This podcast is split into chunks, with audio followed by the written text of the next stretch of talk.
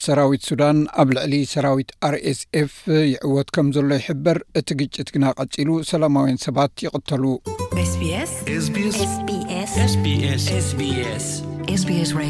ኣብ ሱዳን ዋላ እኳ ተኽሲ ደው ንምባል ብውድብ ሕቡራት ሃገራት ጻዕሪ ይግበር እንተሃለወ እቲ ቀታሊ ግጭት ግና ይቕጽል ኣሎ ኣብቲ ዝግበር ዘሎ ኩናት ዛጊት ሰለስተ ሰራሕተኛታት ውድብ ሕቡራት ሃገራት ዝርከብዎም ሓምሳን ትሽዓተን ሰላማውያን ሰባት ሞይቶም ተቃወምቲ ሓይልታት ናብ ስምምዕ ክመፁ ዝሕብር ምልክታት ኣይርኣዩን።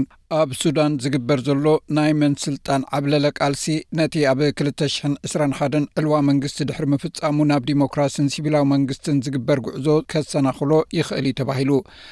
መራሕቲ ሰራዊትን ሓደ ጉጅለ ኮማንዶን ነቲ ኣብ ልዕሊ መንግስቲ ኣልበሽር ዝተገብረ ዕልዋ መንግስቲ ንምምጻእ ብሓባር ይሰርሑ ነይሮም። ሕጂ ግና እታ ሃገር ናብ ዲሞክራሲ ኣብ ትሰጋገረሉ ዘላ እዋን ነንሕድሕዶም ኣብ ከቢድ ግጭት ተሸሚሞም ይርከቡ። ክልቲኦም ወገናት ኣብ ርእሰ ከተማ ሱዳን ከቢድ ውግእ ከም ዘካየደ ነንሕድሕዶም ይወቓቐሱ።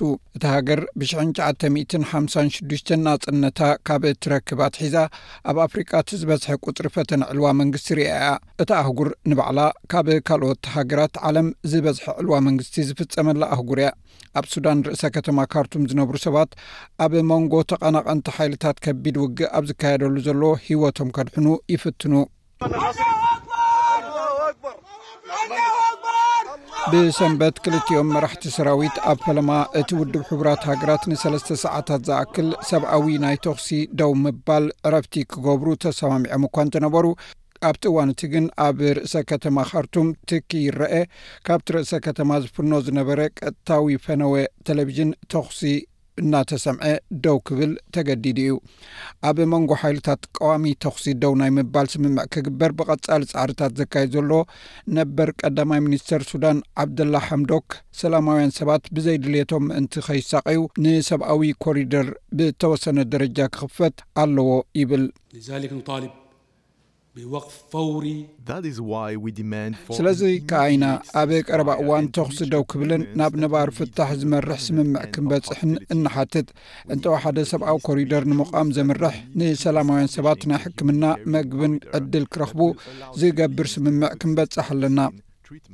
ክልቲኦም ወገናት ብማሕበራዊ መራኸቢታት ኣቢሎም ክስታትን ኣንጻራዊ መልስታትን የቕርቡ ኣለዉ ገሊኦም ሰራዊት ሱዳን ኣብቲ ግጭት ላዕለዋይ ኢድ ከም ዘለዎ እዮም ዝዛረቡ ኣፈኛ ሰራዊት ሱዳን ድማ ኣርኤስኤፍ ካብቲ ኣቐድም ኣቢሉ ሒዝዎ ዝነበረ ማዕርፎ ነፈርቲ መረወ ስሒቡ ኣሎ ኢሉ ኣርኤስኤፍ ነዚ ሓሳብ እዚ ዝነፀጎ ክኸውን ከሎ ኣብ ውሽጢ ሓፂር እዋን ኣብ ቀንዲ ቤት ፅሕፈት ሰራዊት ሱዳን ካልእ መጥቃዕቲ ከም ዝጅምር ገሊጹ ናይ ውድብ ሕቡራት ሃገራት ፕሮግራም መግቢ ዓለም ዳብልዩ ኤፍ ፒ ኣብቲ ግጭት ሰለስተ ካብ ሰራሕተኛታቱ ድሕሪ ምቕታሎም ኣብ ሱዳን ዝካየድ ዘሎ ኩሉ ስራሓቱ ንግዜኡ ደው ከም ዘበሎ ገሊጹ ኣካያዲት ስራሕ እቲ ማሕበር ሲንዲ ማኬን ከምዚ ይብል ዳብልዩ ኤፍ ፒ ነቶም ውሕስነት መግቢ ስኢኖም ዘለዉ ሱዳናውያን ምሕጋዝ እዩ ዝሰርሕ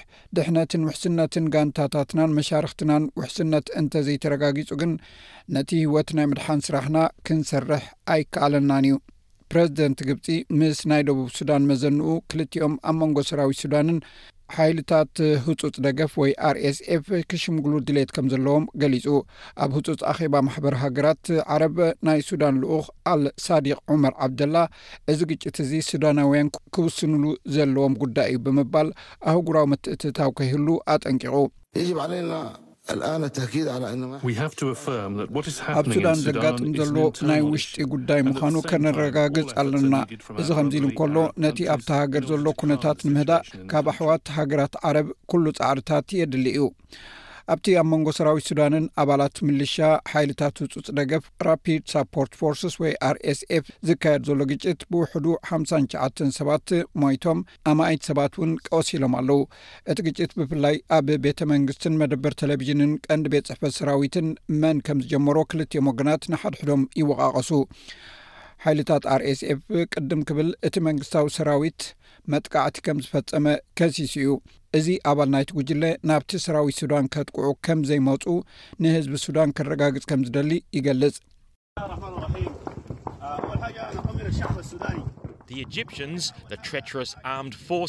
ዕዱጋት ሰራዊት ግብፃውያን እቶም ጠለምቲ ዕጡቓት ሓይልታት ኣብ ሜዳ ተሳዒሮም እዮም።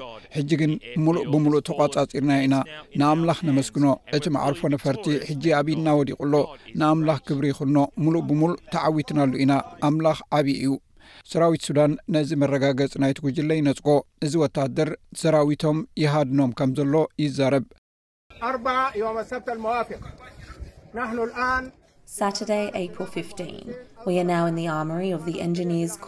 ቀዳም ዓሰርተ ሓሙሽተ ሚያዝያ ሕጂ ኣብ ኦምድርማን ኣብ ቤት ፅሕፈት ሱዳን ናይ ኢንጂነራት ወተሃደራት ኢና ዘለና ሕጂ ኣብ ሕምብርቲ ወተሃደራዊ ኢንጂነሪንግ እቶም ኣብ ቅድሚ ሰንደቅ ዕላማ ሱዳን ኢና ዘለና ኣምላኽ ዓብዪ እዩ እቶም ወተሃደራት መንግስቲ እቲ ናይ ኣርኤስኤፍ ምልሻ ክሳብ ዝፈርስ ዝግበር ዘተ ክኮነ ዝርርብ ከም ዘይህሉ እዮም ዝገልፁ ንሓድሕዱ ዝጋጭ ፀብፃባት ከም ዝሕብርዎ ኣብ ባይታ ዘሎ ኩነታት ንፁር ኣይኮነን ቀዳማይ ሚኒስተር ሱዳን ዓብደላ ሓምዶክ ክልቲኦም ወገናት ነቲ ኩናት ደው ከብልዎ ተማሕፂኑ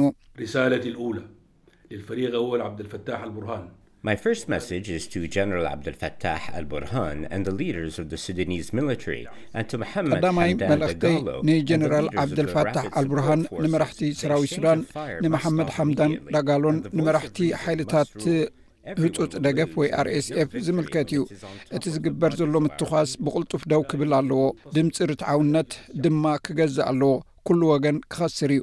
እቲ ዝዕወት ኣብ ልዕሊ ሬሳ ህዝብና ምስ ዝኸውን ከኣ ዓወት የብሉን። እቲ ግጭት ክሳዕ ዝውላዕ እንታይ እዩ ዝኸውን ነይሩ?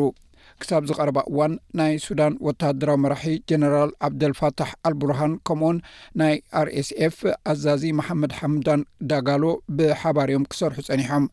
ፕረዚደንት ሱዳን ነበር፣ ዑመር ኣልበሽር ኣብ ክልተ ሽሕን ዓሰርተ ትሽዓተን ካብ ስልጣኑ ድሕሪ ምእላዩ ካብ ክልተ ሽሕን ዕስራን ሓደን ኣትሒዙ እቲ ጀነራል ንሱዳን ክመርሓ ዝጸንሐ ክኸውን ከሎ እቲ ናይ ኣርኤስኤፍ መራሒ ድማ ምክትሉ ኮይኑ እዩ ጸኒሑ ሱዳን ናብ ስቪላዊ ምምሕዳር ገጻ ኣብ ትጓዓዘሉ ዘላ እዋን ካብ ግዜ ናብ ግዜ ወጥሪ እናወሰኸ እዩ ከይዱ ተመራመርቲ ብዛዕባ ሱዳንን ናይ ሪፍት ቫሊ ኢንስቲትዩት ተመራማሪ ኤሪክ ሪቭስ ኣብ ናይ ብሪጣንያ ናይ ቴሌቭዥን ፕሮግራም ቻነል ፎር ኒውስ ቀሪቡ ከም ዝበሎ ክልቲኦም መራሕቲ እቲ ሃገር ናበይ ገፃ ከም እተምርሕ ዝምልከት ኣይሰማምዑን እዮም ኣብ ሓንቲ uh, ሃገር ክልተ ሰራዊት ክህሉካ ኣይክእሉን እዮም እቲ ውግእ ኣዝዩ ሰፊሕ ካብ ምዃኑ እተላዕለ ክሳብ መወዳእታ ውግእ ክኸውን እዩ ዝብል ግምት እዩ ዘለኒ uh, እዚ ግን ነዊሕ ቃልሲ ኣይክኸውንን እዩ እቶም ኣብ ትሕቲ ኣልቡርሃን ዘለዉ ዕጡቃት ሱዳን ብተዛማዲ ቀልጢፎም ክዕወቱ እዮም ዝብል እምነት ኣሎኒ እቶም ሓይልታት ህፁፅ ደገፍ ንፕሮፓጋንዳ ኢሎም ዝወፁ ዘለዉ ምስልታት ነቲ ኣብ ባይታ ዘሎ ሓይሊ ሚዛን ክቕይሩ ኣይክእሉን እዮም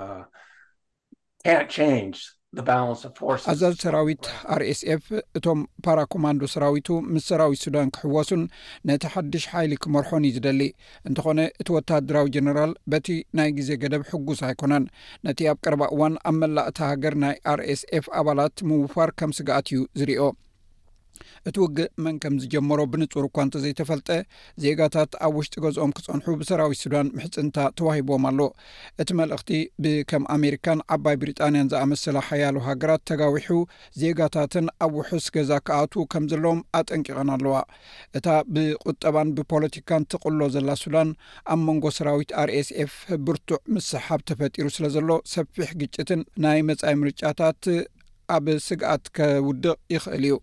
ርእሰ ሊቃነ ጳጳሳት ፍራንሲስ ኣብቲ ኣብ ቫቲካን ዝርከብ ኣደባባይ ን ቅዱስ ጴጥሮስ ንኣስታት ዕስራ ሽሕ ንዝኾኑ ሰባት ብሰንበት ኣብ ዘስምዕዎ መደረ ብዛዕባ ሱዳን ከም ዘተሓሳስቦም ገሊጾም።